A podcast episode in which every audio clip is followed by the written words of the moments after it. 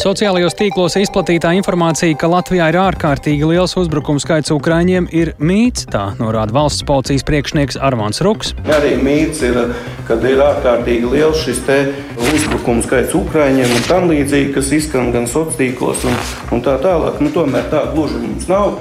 Radījumā pēcpusdienā jau pēc brīža plašāk par aizvadīto gadu valsts policijas darbā.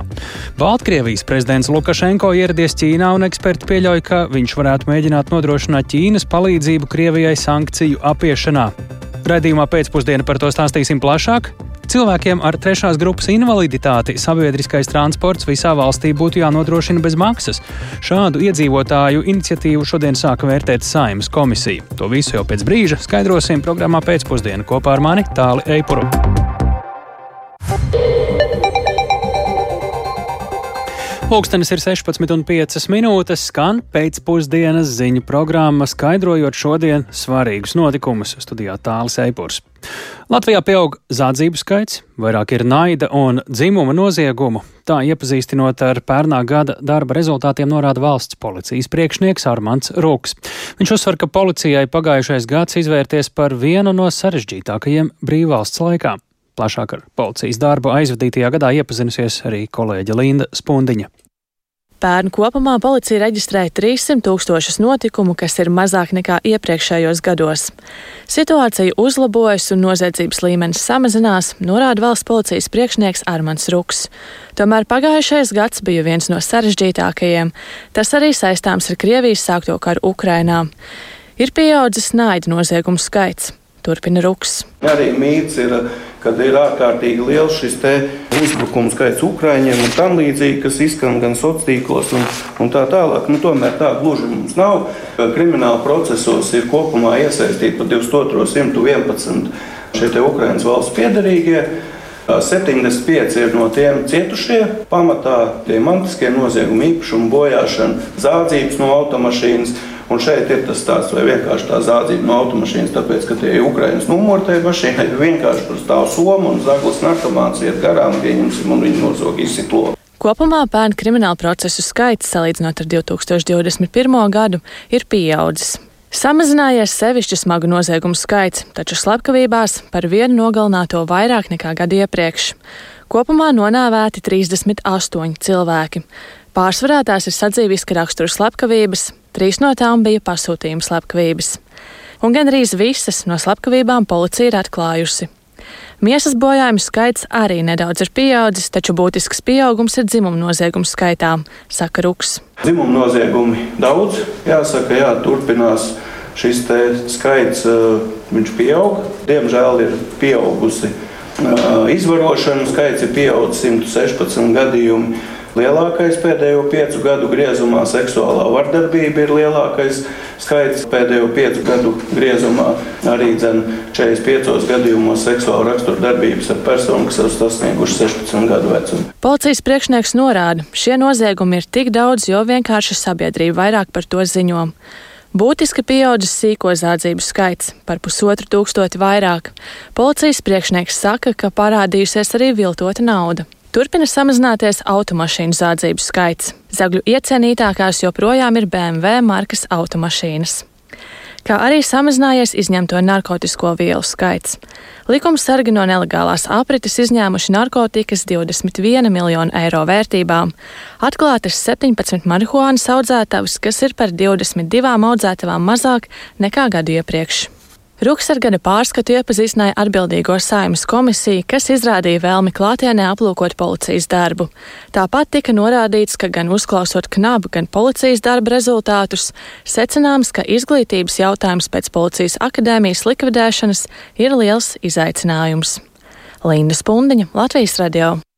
Tikmēr vakar saimnes deputāti izvērtēja un uzklausīja cita dienesta korupcijas novēršanas un apkarošanas biroja darba pārskatu. Latvijā korupcija samazinās, taču tas nenotiek pietiekami ātri. Tā šorīt Latvijas radio sacīja korupcijas novēršanas un apkarošanas biroja priekšnieks Jākaps Straume. To, ka vēlme dot kukuļus mazinās, liecina biroja pētījums par sabiedrības uztveri pret korupciju. Tiesa pētījums parāda arī to, ka nedaudz tomēr ir augusi uzņēmēju gatavība kukuļot, lai uzvarētu kādos iepirkumos. Lai arī korupcijas uztveres indeksa dati liecina par uzlabojumiem, ir arī negatīvas tendences, un par tām kolēģim Kristapam Feldmanim stāsta Jēkabs Straume. Tas, kas ir bijis negatīvi, tas nav tiešā veidā saistīts ar korupciju, bet gan ar tautsēmniecību, ar pēc-covid sekām, ekonomikas sabremzēšanos, ar karu gal galā, ar inflāciju un tādiem jautājumiem. Birojas šobrīd ir veids korupcijas indeksa visu ekspertu grupu veikto pētījumu analīzi.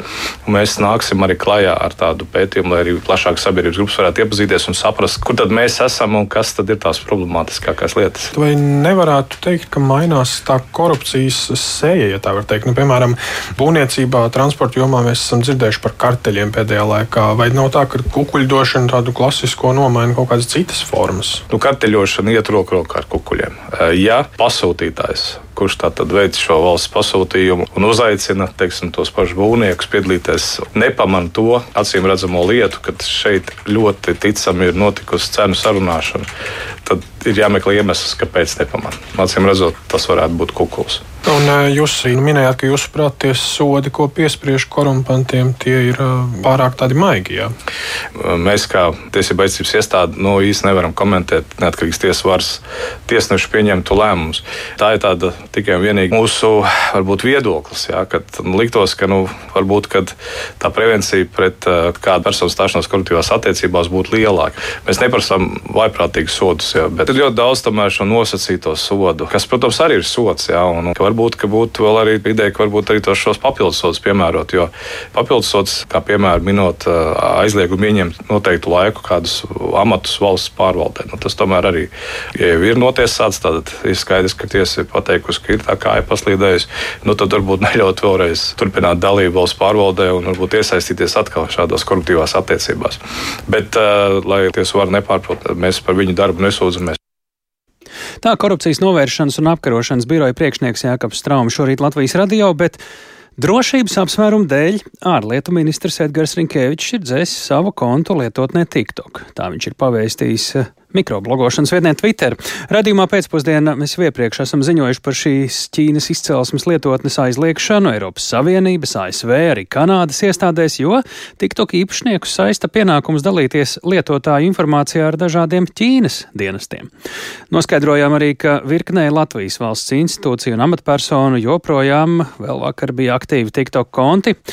Kā skaidrojums ārlietu ministra lēmums dzēst savu kontu, esam sazinājušies ar ārlietu ministrijas preses sekretāru Dianu Eglīti. Labdien!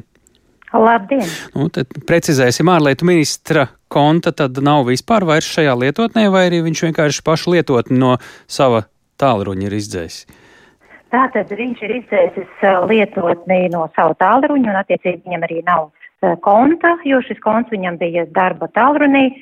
Un ministra kungs ir sekojis eh, ārlietu ministrijas aicinājumam attinstalēt TikTok lietošanu eh, darba viedierīcēs, eh, kuras, kurās tiek izmantots ārlietu ministrijas ēpasts.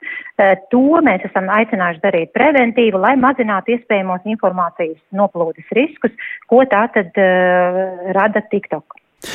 Mēs uh, iepriekš ziņojām gan par uh, Eiropas Savienības, gan Kanādas, gan ASV aicinājumiem savām iestādēm rīkoties līdzīgi. Latvijas iestādes ir šī impulsa iznākuma, šī impulsa dēļ rīkojušās šādi, jo iepriekš jau tā TikTok lietotne bija tieši tikpat kaitīga, kā tā ir tagad. Ja ir pamats bažām par drošību. Tā ir skaitā. Mēs esam ņēmuši vērā starptautisko partneru, teiksim, lēmumus, ko jūs jau minējāt. Tajā pašā laikā mēs arī paši informācijas tehnoloģiju departaments ministrijā un iekšējās drošības departaments uh, vērtē nemitīgi, tas ir tāds konstants darbs, vērtē apdraudējums, kādas var radīt šīs informācijas tehnoloģijas. Un īpaši par TikTok uh, šis lēmums arī uh, balstījās tajā, ka TikTok veiksmes pamatā ir um, augsta precizitāte, ar kādu tā ir izanalizējis lietotāju un prasmu uzmanēt, ko lietotājs vēlas redzēt. Līdz ar to, ja mēs runājam par TikTok, tad tās bažas ir tādas, ka šādas lietotāja analīzes iespējas uh, var tikt izmantotas ne tikai kā izklaide, bet arī, lai sasniegtu tādus nedraudzīgus mērķus, ja, ja tiek metodiski savākti dati. Jā, ārlietu ministrijā mēs te pāris formulējumus esam redzējuši. Tas ir aicinājums darbiniekiem, vai tas tomēr ir iekšējs rīkojums un uh, uz visām ierīcēm, kas ir saistītas ar darbu, viedierīcēm, TikTok nebūs vairs ārlietu ministrija? Tas ir, tas ir aicinājums dodot laiku līdz 31. Eh, martam, un pēc tam tad šīs te lietotnes tiks dzēstas. Tātad ministrs ir izdzēsies no šīs lietotnes, bet pārējie Jā. ir arī aicināti to darīt eh, marta laikā, un pēc tam jau tas būs obligāti. Vai tas arī kaut kā tiks kontrolēts? Nu, noteikti, noteikti. Es domāju, tāda jau ir tā doma eh, pārbaudīt, eh, lai, lai šis aicinājums eh, tiktu ņemts vērā un lai, lai pēc iespējas mazinātu apdraudējumu, ko TikTok var radīt. TikTok noteikti un visticamāk ir tikai skaļākais vārds no dažāda veida lietotnēm, vai ir arī kādas papildus instrukcijas, kā vispār pret, nu, kaut vai tās pašas Ķīnas pieminētās izcelsmes lietotnēm izturēties? Ir katrā ziņā ir rekomendācijas, mums arī notiek regulāri CEP mācības, kur tiek ņemts vērā, kā, kā uzmanīties, kā lietot pareizi šīs lietotnes un, un nu, teiksim, ko instalēt, ko neinstalēt, kā, nu, kā uzmanīt sevi interneta vidē. Tā ir tāda arī rutīna, rutīna ārlietu ministrijā. Būt modram, uh, būt modram, kādu informāciju, teiksim, vērt vaļā, kādu informāciju lietot, kādas lietotnes lietot. Tad jūs sakāt, ka arī centralizēti ārlietu ministrijai un ļoti iespējams arī citām iestādnēm šādi um, aicinājumi vai informācija tiek dot, uh, vienkārši tā sakot, Latvijas valstī. Ja? Nu, tiek dots, teiksim, cert, piemēram, nu, cert uh, vērtē informā, eh, informāciju, vērtē, kas notiek eh, informācijas, teiksim, vidē un, un, un, mm -hmm. un nu, sniedz rekomendācijas, jā, un, un, un, un vērš uzmanību, jā. Paldies par sarunu. To mēs sakām ārlietu ministrijas preses sekretārei Dianai Eglītei. Sakojot informācijai, ka ārlietu ministrs un arī ārlietu ministrija kopumā tās darbinieki vairs savos tālruņos eh, darba viedierīcēs nevarēs eh, uzturēt TikTok lietotni, bet vakar raidījumā mēs pieminējām, ka savs TikTok konts ir arī labklājības ministrē, piemēram, Evikai Siliņai, valsts policijai, arī Latvijas armijai, un tikko esam saņēmuši ziņu tieši no labklājības ministrijas, ka tā plāno aizliegt TikTok lietošanu darba ierīcēs, un šobrīd šim nolūkam arī jau top iekšējais normatīvais regulējums, kas nosaka, ja uz tālruņa ir piekļuve darba e-pastam, tad tajā TikTok nav atļauts. Savukārt privātajos darbinieku vietālruņos, kuriem nav nekāda sakara ar darbu, tādam aizliegumam nesot pamata. Tik tālu par šo, bet runājot par drošību, bet nu jau krietni plašākā nozīmē valsts vizītē Ķīnā ir ieradies Baltkrievijas prezidents Aleksandrs Lukašenko, kurš šodien apliecinājis, ka Baltkrievija pilnībā atbalsta Ķīnas nesen izplatītos ierosinājumus izbeigt Ukrainas karu jeb Pekinas miera plānu. Tikmēr analītiķi norāda, ka Lukašenko devies Ķīnā pārstāvēt Kremļa saimnieku Vladimiru Putinu. Baltkrievijas autoritārais līderis varētu mēģināt nodrošināt Ķīnas palīdzību Krievijai, piemēram, sankciju apiešanā. Plašāk stāsta Rihards Plūme.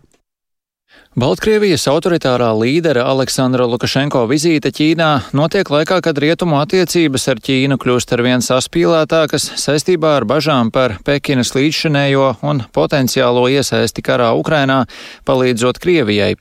Vēl nesen Pekina, kas sevi pozicionē kā neitrālu, publicēja savu miera plānu, jeb tās redzējumu, kā būtu izbeidzams karš Ukrainā. Šis plāns no rietumu puses ticis kritizēts. Tikmēr Lukašenko šodien pirms sarunām ar Ķīnas amatpersonām uzsvēra, ka Baltkrievija pilnībā atbalsta Pekinas ierosinājumu par kara izbeigšanu.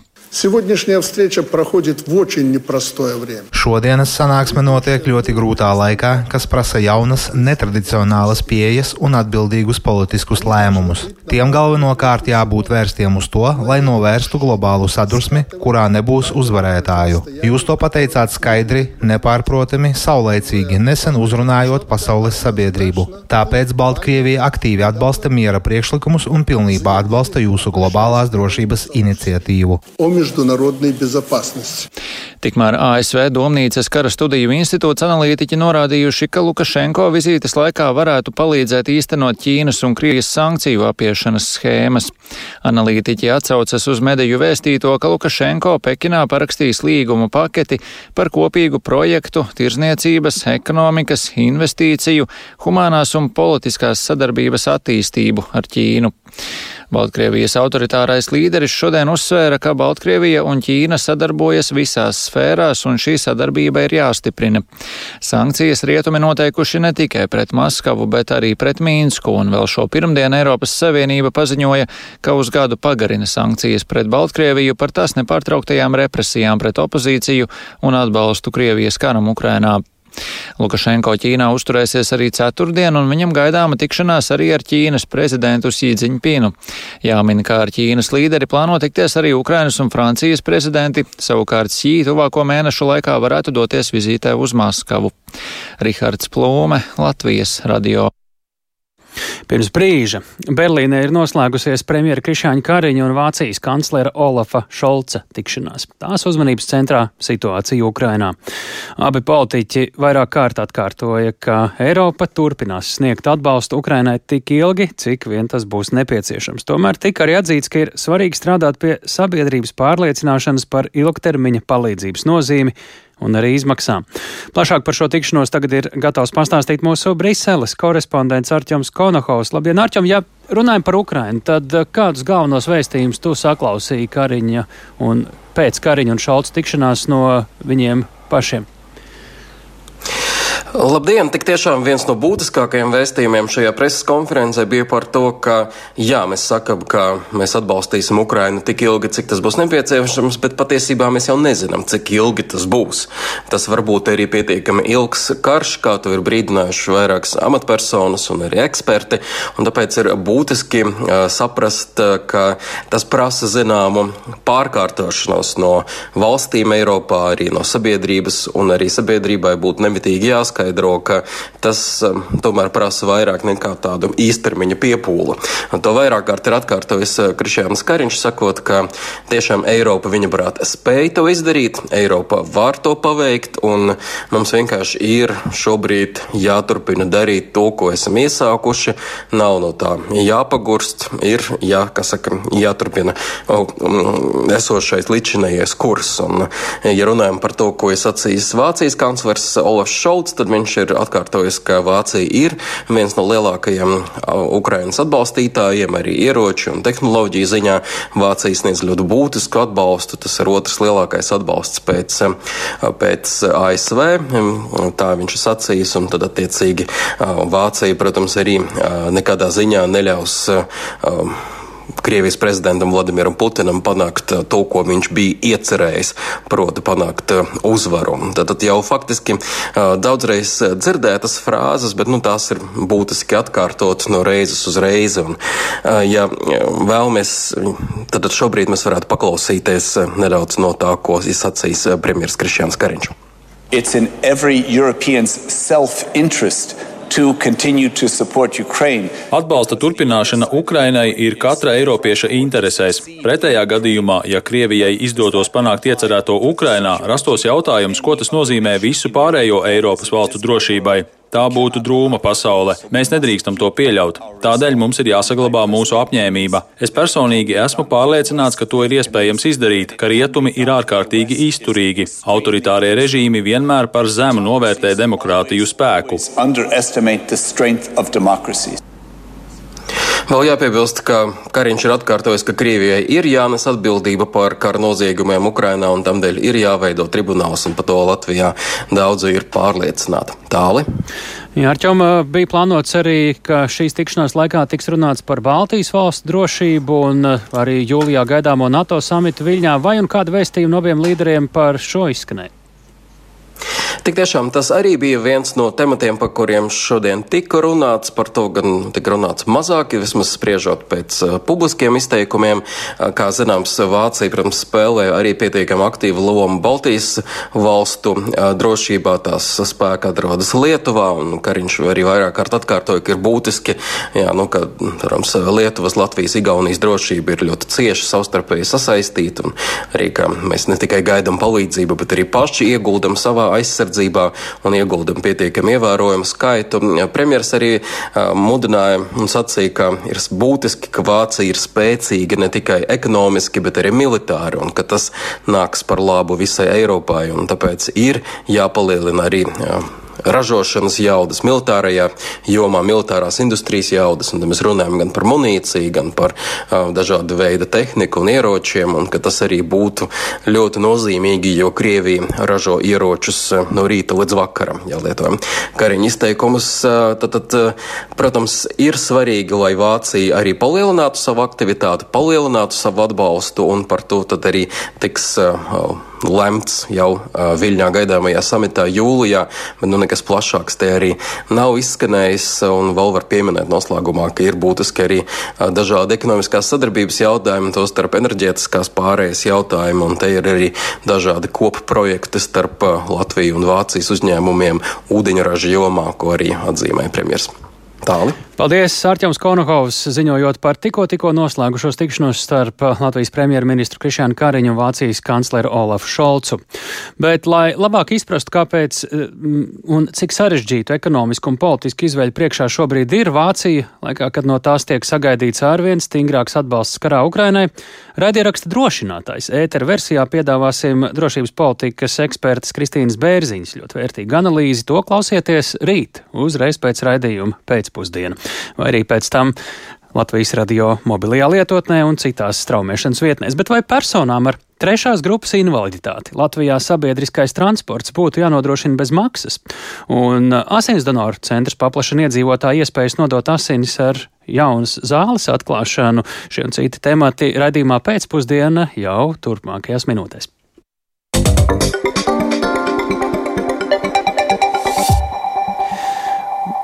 Jau Stāstījām par situāciju divos jaunos Rīgas pašvaldības bērnu dārzos Ozoliņš un Dzīpariņš. Lai arī bija plānots, ka abām izglītības iestādēm darbu bija jāsāk jau septembrī un tajās būtu vietas 300 līdz 400 audzēkņiem, Dzīpariņš 1. septembrī durvis nevēra un arī Ozoliņš strādā ar nepilnu jaudu.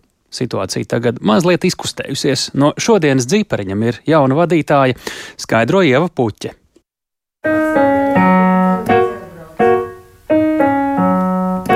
Annijai Vildei šī ir pirmā diena bērnu dārza dzīpariņš vadītāja amatā Rīgā, Rūpniecības ielā 21, pagaidām gan kā pienākumu izpildītājai. Viņa izmēģina mirdzoši baltas klavieres pasākumu zālē. Neticami, cik forši un cik skaisti un cik fantastiska vide, lai sāktu strādāt par vadītāju. Ar lepnumu Annija izrāda teritoriju, kas paredzēta simts audzēkņiem. Viss jauns un skaists. Katras grupiņas telpā gan liela virtuve, gan mini virtuvīte, kur bērniem apgūt pavārmākslu. Mācību telpas, kur viņi var darboties dažādās vidēs. Piemēram, tā sauktā sensorā telpa domāta sīkās muskulatūras attīstībai, kam palīdz arī modernās tehnoloģijas, gaismas galdi, skārienjūtīgais planšetgalds. Nav tikai pašu bērnu kas gaida 382 cilvēku lielā rindā, un nav arī vajadzīgo desmit bērnu dārza darbinieku. Ir izdevies atrast vadītājas vietnieci, bet no desmit pedagoģu štata vietām līdz šim bijusi aizpildīta tikai viena. Taču sieviete nākošajā dienā paņēmusi slimības lapu un darbā vairs nav atgriezusies. Godīgi sakot, tas mums patiešām ir šoks un kaut kāds milzīgs misēklis, kad šāda situācija var izveidoties iestādē. Tā vakar teica Rīgas domes izglītības departamenta pirmskolas nodaļas vadītāja Iveta Nagla. Pēc tam, kad Latvijas radio sāka interesēties, kāpēc bērnu dārza zīpariņš, kura atvēršanu pilsētas mērs Mārtiņš Staķis izziņoja jau pirms gada, un kam uz pilnu jaudu bija jāsāk darboties 1. septembrī, joprojām nav vēris durvis. Tikai daļēji strādā arī otrs jaunais bērnu dārzs Ozoliņš Slāvu ielā 19. Tajā ieguldīti vairāk nekā 2 miljoni eiro, bet zīpariņā vairāk nekā miljons eiro bez PVN. Gan Iveta Nagla, gan bērnu dārza ozoliņš vadītāja Brigita Makijevska, kas līdz vakardienai pildīja arī dzīpariņa vadītājas pienākumus, par iespējamu iemeslu vakanču neaizpildīšanai minēja neatraktīvās darbinieku algas. Janvārī, kad Rīgas doma apstiprināja pilsētas šā gada tehnisko budžetu, gan tika rasts finansējums mēra un deputātu atalgojumu ievērojamam palielinājumam, kā ar bērnu dārziem. Celšana Tas nav variants. Um, Tad jāceļ algu visās. celšana nebūtu godīga pret pārējām izglītības iestādēm. Nu, pašvaldībā ir 148 pirmsskolas izglītības iestādes, un nav pamata, lai vienā no visām 148 mēs noteiktu citu algu. Iveta Nagla izteica cerību, ka līdz ar jaunas enerģiskas vadītājas pieņemšanu darbā labāk sekmēsies kadru meklēšana. Rīgā šobrīd uz vietu pašvaldības bērnu dārzos gaida ap 800 bērnu. Bija plānots, ka jaunais dzīpariņš, tāpat kā ozoliņš, būtiski mainīs situāciju. Viņa ar jauno ozoliņa vadītāju reklamē šo darba iespējas augstskolu studentiem, kas varētu sākt strādāt mentoru uzraudzībā.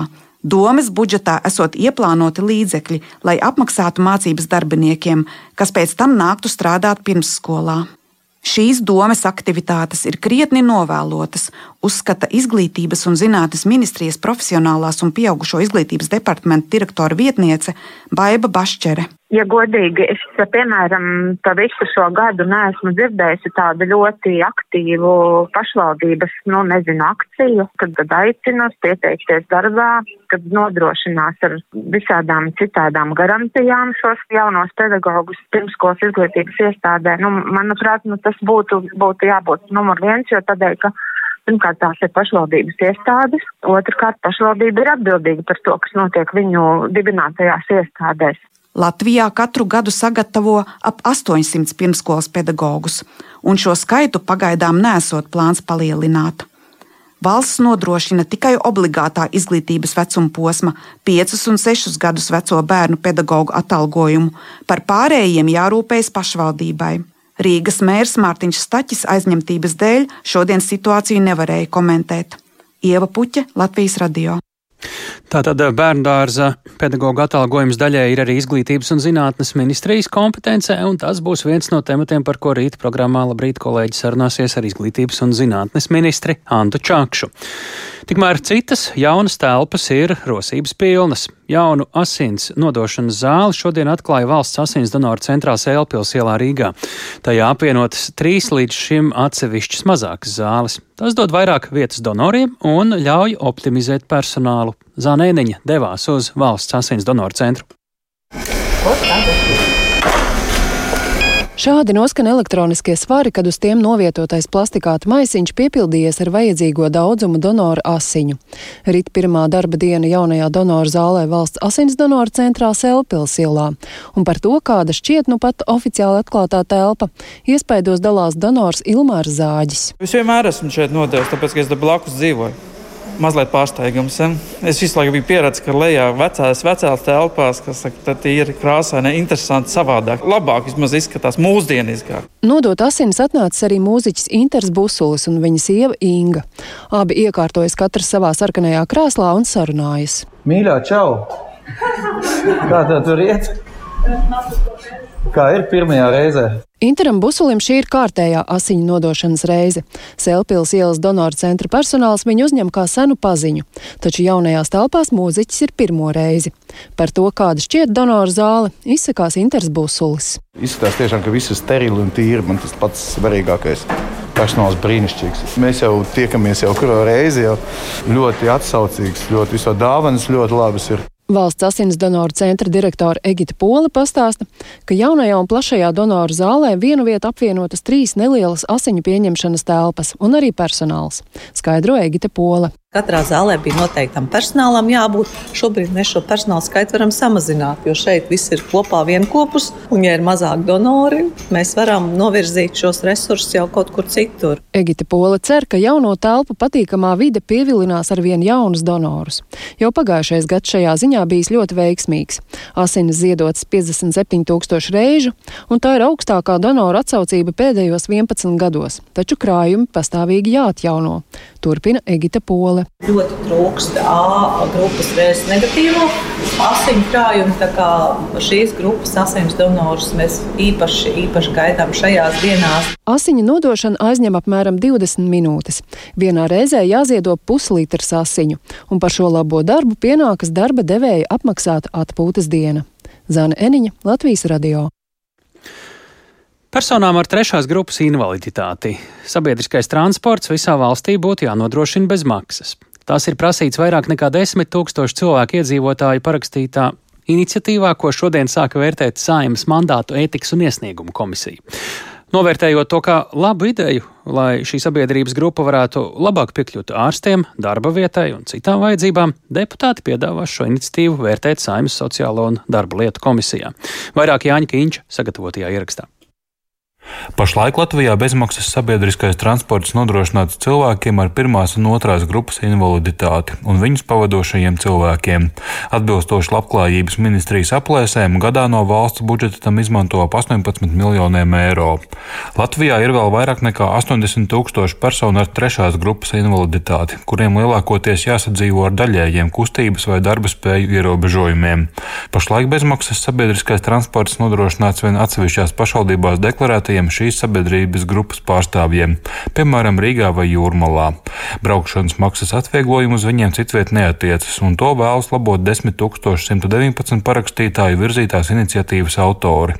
Turpina viņu pārstāve Santa Survila kas skar veselības aprūpi. Pārsvarā visi speciālisti ir Rīgā, un cilvēki, kuri dzīvo citās arī lielākajās Latvijas pilsētās, ir spiesti doties uz Rīgu un ir jāmaksā par savu naudu. Tātad, ja šo trešo grupu varētu pielīdzināt arī, ka transports būtu bez maksas gan starppilsētu, gan vietējās nozīmes, ka šie cilvēki vieglāk varētu integrēties, vairāk uh, iekļauties darba attiecībās un arī mācīties. Labklājības ministrijas ieskatā ir jau gana domāts, kā atvieglot personu ar trešās grupas invaliditāti pārvietošanos. No valsts budžeta reizes pusgadā šiem cilvēkiem nodrošināt 79,68 eiro liela kompensācija, ko izmantot sabiedriskā transporta izmaksu mazināšanai vai auto pielāgošanai pielāgošanai. No šā gada jūlija šis pabalsts augs līdz 105 eiro norādīja Labklājības ministrijas parlamentārais sekretārs Artjoms Uršuļskis. Konceptuāli mēs uh, saredzam par pareizu pieeju, kad valsts lielāku atbalstu sniedz tieši tām personām ar invaliditāti, kurām ir ļoti smagi vai smagi funkcionēšanas ierobežojumi. Viņi tiešām saskarās ar īpašu augstu nabadzības, sociālās atstumtības risku. Viņiem grūti pārvietoties pastāvīgi, arī iekļauties darba tirgu, izglītības procesā un citos procesos. Ir prātīgi izvērtēt dažādas iespējas palīdzēt personām ar dažādiem ierobežojumiem, kas radušies veselības problēmu dēļ. Tāpēc piedāvātā iniciatīva noteikti ir vērtīga, norādīja invalīdu un viņu draugu apvienības apērons vadītājs Ivars Balodis. Pārvietošanās tā ir ārkārtīgi svarīga lieta, kas ir atzīmēta daudzos starptautiskajos normatīvajos dokumentos. Un tā kā jūs varētu izlemt to, vai šai eh, trešās grupas cilvēkiem ir invaliditāte, tā ir simtprocentīga atlaide, vai varbūt tā ir 75% atlaide, mums liekas nevalstiskajām organizācijām, ka tas, tas būtu pietiekoši labs atbalsts. Pēc satiksmes ministrijas aplēsēm bezmaksas reģionālās nozīmes pārvadājumu arī trešās grupas invaliditātes personām izmaksāt aptuveni 3 miljonus eiro gadā. Šajā summā nav ierēķināti pārvadājumi pilsētās. Vai šim nolūkam paredzēt līdzekļus būs iespējams lemt ātrākais par 2024. gada budžetu? Vispirms šo jautājumu saimnes deputāti plāno nodot lemšanai Saimas sociālo un darba lietu komisijā. Jānis Kincis, Latvijas radio. Šodien apkopot pirmie secinājumi pēc izmaiņām Rīgas sabiedriskā transporta biļešu sistēmā. Tas, tas stājās spēkā šī gada sākumā. Mēneša biļetes kļuva lētākas, tika ieviests jaunas laika biļetes, atcelti vai mainīta virkni citu biļešu veidu. Rīgas satiksmes valdes priekšsarētāja Dženeta Inus pie mūsu klausulas. Labdien! Labdien! Īsumā, kāds bija mērķis līdz ar jauno sistēmu, un vai uh, izmaiņas ir vairāk vai mazāk uh, attaisnojušās pirmajos divos mēnešos?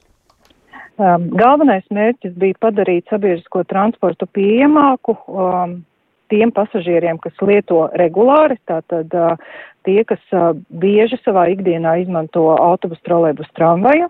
Un šajā ziņā, jā, mēs esam tiešām gandarīti, jo mēneši tie pasažieri, kas lieto mēnešu biļetes, šobrīd jau to dara ar daudz lielāku intensitāti. Cik daudz? U, um, apmēram mēnešu biļetes lieto jau 60% no visiem pasažieriem, pērk biļetes par pilnu cenu - 35, 40%. Aha. Tātad pret tiem, kas pirka vienreizējās biļetes.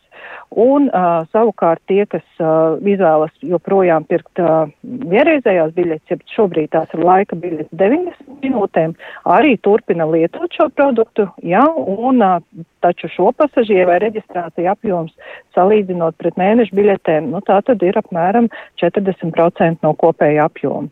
Jā, tikmēr par jauno biļešu kārtību un cenām jau ir nobriedusi arī pirmā nopietnā neapmierinātība. Tā nāk no studentiem. Viņiem vairs nav šo vienreizējo braucienu atlaides, tās bija iepriekš, un braukšana caurmērā viņi sareiķinājuši kļuvuši dār, kļūsi dārgāk, un dažu dienu laikā par to ir savākt arī vairāk tūkstoši studentu viedokļu.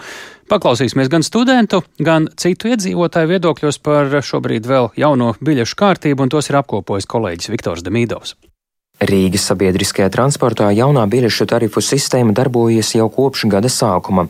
Salīdzinājumā ar iepriekšējo tā vairs nav tik sadrumstalota. 135 tarifu vietā tagad ir nedaudz virs 40. Kā jauno sistēmu vērtē pasažieri, to jautāju pieturās. Pozitīvi vērtēja, man mēneša biļete pērk. Kļuva lētāk nekā bija agrāk? Uh, nu, sanāk lētāk, jā. Mēneša biļete kļuva izdevīgāka, bet, nu, Es zinu, ka daudz, ja piemēram vienu to pieturu, tev jābrauc, cilvēki nepērk biļeti. Tādā ziņā, principā, ir ne tik izdevīgi. Man nepatīk maksāt, bet šī sistēma darbojas labāk, lai cilvēki tiešām pirktu biļeti. Biļetes kļuvušas dārgākas, tas ir pašsaprotami. Kaut kas ir ērtāk, kaut kas nav. Bet vispār visā šajā laikā man ir šķitis, ka tiklīdz tarifi pieaug, tā pasažieru skaits sarūk. Ne visi varēja maksāt. Tagad es pērku vienreizējās biļetes. Mēneša biļete man nav izdevīga. Tik daudz es nebraukāju. Vienīgais, ko es izmantoju, to jauno mobīlo aplikāciju, ka ļoti ērti. Tā, tā tiešām ir ļoti laba inovācija nopērkt to vien, vienreiz, vai, vai cik viņi tur tā pusotras stundas vai kā. Nu, es pat nezinu detaļās, bet, nu, kad noskanēja un, un brauc, nav nekādas problēmas. Vismaz man nav bijušas problēmas, bet es esmu dzirdējis, Twitterī lasīju, ka ir bijis kaut kad, kad nestrādāja sistēma, bet, bet man nav saskāries. Ar jaunām biļešu cenām nav apmierināti studenti. Līdz tarifu maiņai vienreizējās stundas biļete maksāja 30 centus, bet mēneša biļete 16 eiro. Tagad vienreizējiem talonam studentiem atlaides vairs nav, un biļetes maksā piecas reizes vairāk, jeb pusotru eiro. Dažu dienu laikā viņi veikuši aptauju, kurā piedalījās teju 7000 studentu. Dati liecina, ka pirms cenu izmaiņām Rīgas satiksmes sabiedriskajam transportam 70% studējošo mēnesī tērēja līdz 10 eiro. Tagad teju puse tērēja vismaz 11, bet vairāk nekā trešdaļa vairāk nekā 15 eiro. Par problēmu Latvijas studentu apvienība vērsusies Rīgas domē, kas atlaides ieviest nav gatava. Turpina studentu apvienības prezidente Liene Levada. Līdz šīm izmaiņām mums dati parāda, ka lielākā daļa nepirka mēneša biļeti. Tas nozīmē, to, ka viņi saprata, ka viņiem finansiāli izdevīgāk ir braukt par šiem 30 centiem. Jo, ja studijas notiek daļai attālināt, vai cilvēkiem vienkārši studijas notiek uh, nepilnā laikā, tad viņiem nav nepieciešams konkrētā periodā regulāri izmantot sabiedrisko transportu, bet tikai ik pa brīdim. Tas nozīmē, ka tas individuālo biļešu sistēma ir elastīgāka. Mēs esam neizpratnē, kādēļ Rīgas doma nav gatava rūpēties par studentiem kā par socioekonomisko grupu un saprast to, ka viņiem ir citādākas vajadzības sabiedriskā transporta izmantošanai un citi paradumi nekā varbūt citām sabiedrības grupām. Latvijas studentu apvienība jautājumu izrunājuši ar Rīgas vicemēru Vilni Čirsi no jaunās vienotības, kura birojā Latvijas radio norādīja, ka tas nav politisks jautājums. Dome balstījusies uz Rīgas satiksmes datiem, kas parādot, ka rīdznieki labprāt pērk mēnešu biļetes, kas studentiem ir divreiz lētākas. Viktors Demidovs, Latvijas radio. Un vēl īsi daži jautājumi Džinetai Inusē, Rīgas satiksmes valdes priekšsārātājai. Pavisam īsi studentiem varētu vēl būt kāda pretība nākšana, izvērtējot šo, šo nu pat dzirdēto? Nu, pirmkārt, ir jāizvērtē līdz galam tiešām, kādi tad ir studentu paradumi, jo uh, tieši tā arī kā studenti saka, uh, apmierināt tie, kas lieto mēnešu biļetes, ir apmierināti. Viņiem ir arī ne, pat nedaudz lētāk. Bet sarunu varētu turpināt ar studentiem par šo Jā, Labi. bet pēc apmēram diviem, trīs mēnešiem, tad, kad mums būs redzams, kas patiesībā notiek arī studentu paradumos. Šobrīd kopumā bez studentiem reģistrēto braucienu skaits ir pieaudzis mēnesī? Jā, jā, noteikti. Janvārī reģistrētie braucieni kopumā jau ir 8,7 miljoni pārvadāto pasažieru, tad, tad uh, tik daudz. Salīdzinot ar gadu iepriekš vai citiem mēnešiem? Nu, pirmkārt, mēs nevaram salīdzināt Covid periodu, Labi. kad mēnesī bija 6, 6 miljoni, bet arī februārī, pat februārī īsajā mēnesī ir vēl vairāk kā janvārī jau mm. 8,8 miljoni. Un vēl pārdesmit sekundēs daudziem vēl ir dažādi veidi vecās biļetes, kas līdz šim datumam vēl bija derīgas, tagad vairs laikam nav. Ko ar tām darīt? Nē, vēl rītdien droši lietojiet, Jā. bet līdz pat gada beigām var saņemt naudu atpakaļ par iegādātajām biļetēm. To dara visi tie pasažieri, kuri ir iepirkuši iepriekš, bet uh, redz, ka nevarēs izmantot. Mēs pieņemam uh, vēl visu šo gadu līdz pat decembra beigām atmaksai uh, šos te pieteikumus. Liels paldies! Sarunājāmies ar Džinetu Innusu, Rīgas satiksmes valdes priekšsērētāju, jo no šod, šodien ir apkopot pirmie secinājumi pēc izmaiņām Rīgas sabiedriskā transporta biļešu sistēmā. Tās no gada sākuma ir spēkā, bet šis bija Raidījums pēcpusdiena. Ar jums studijā sarunājās Tāls Eipurs, un šo raidījumu veidoja Ilza Aginta, arī Uldis Grīmbergs, Kārlis Rašmanis. Un, protams, jebkuru no šiem raidījumiem, jebkurā jums izdevīgā laikā varat noklausīties arī Latvijas radio mobil, mobilajā lietotnē vai raidierakstu straumēšanas vietnēs. Vienkārši meklējiet dienas ziņas, raidījumu pēcpusdienu un Iesakiet arī citiem, protams. Mēs tiekamies kā vienmēr katru darba dienu, tā izskaitā arī rīt.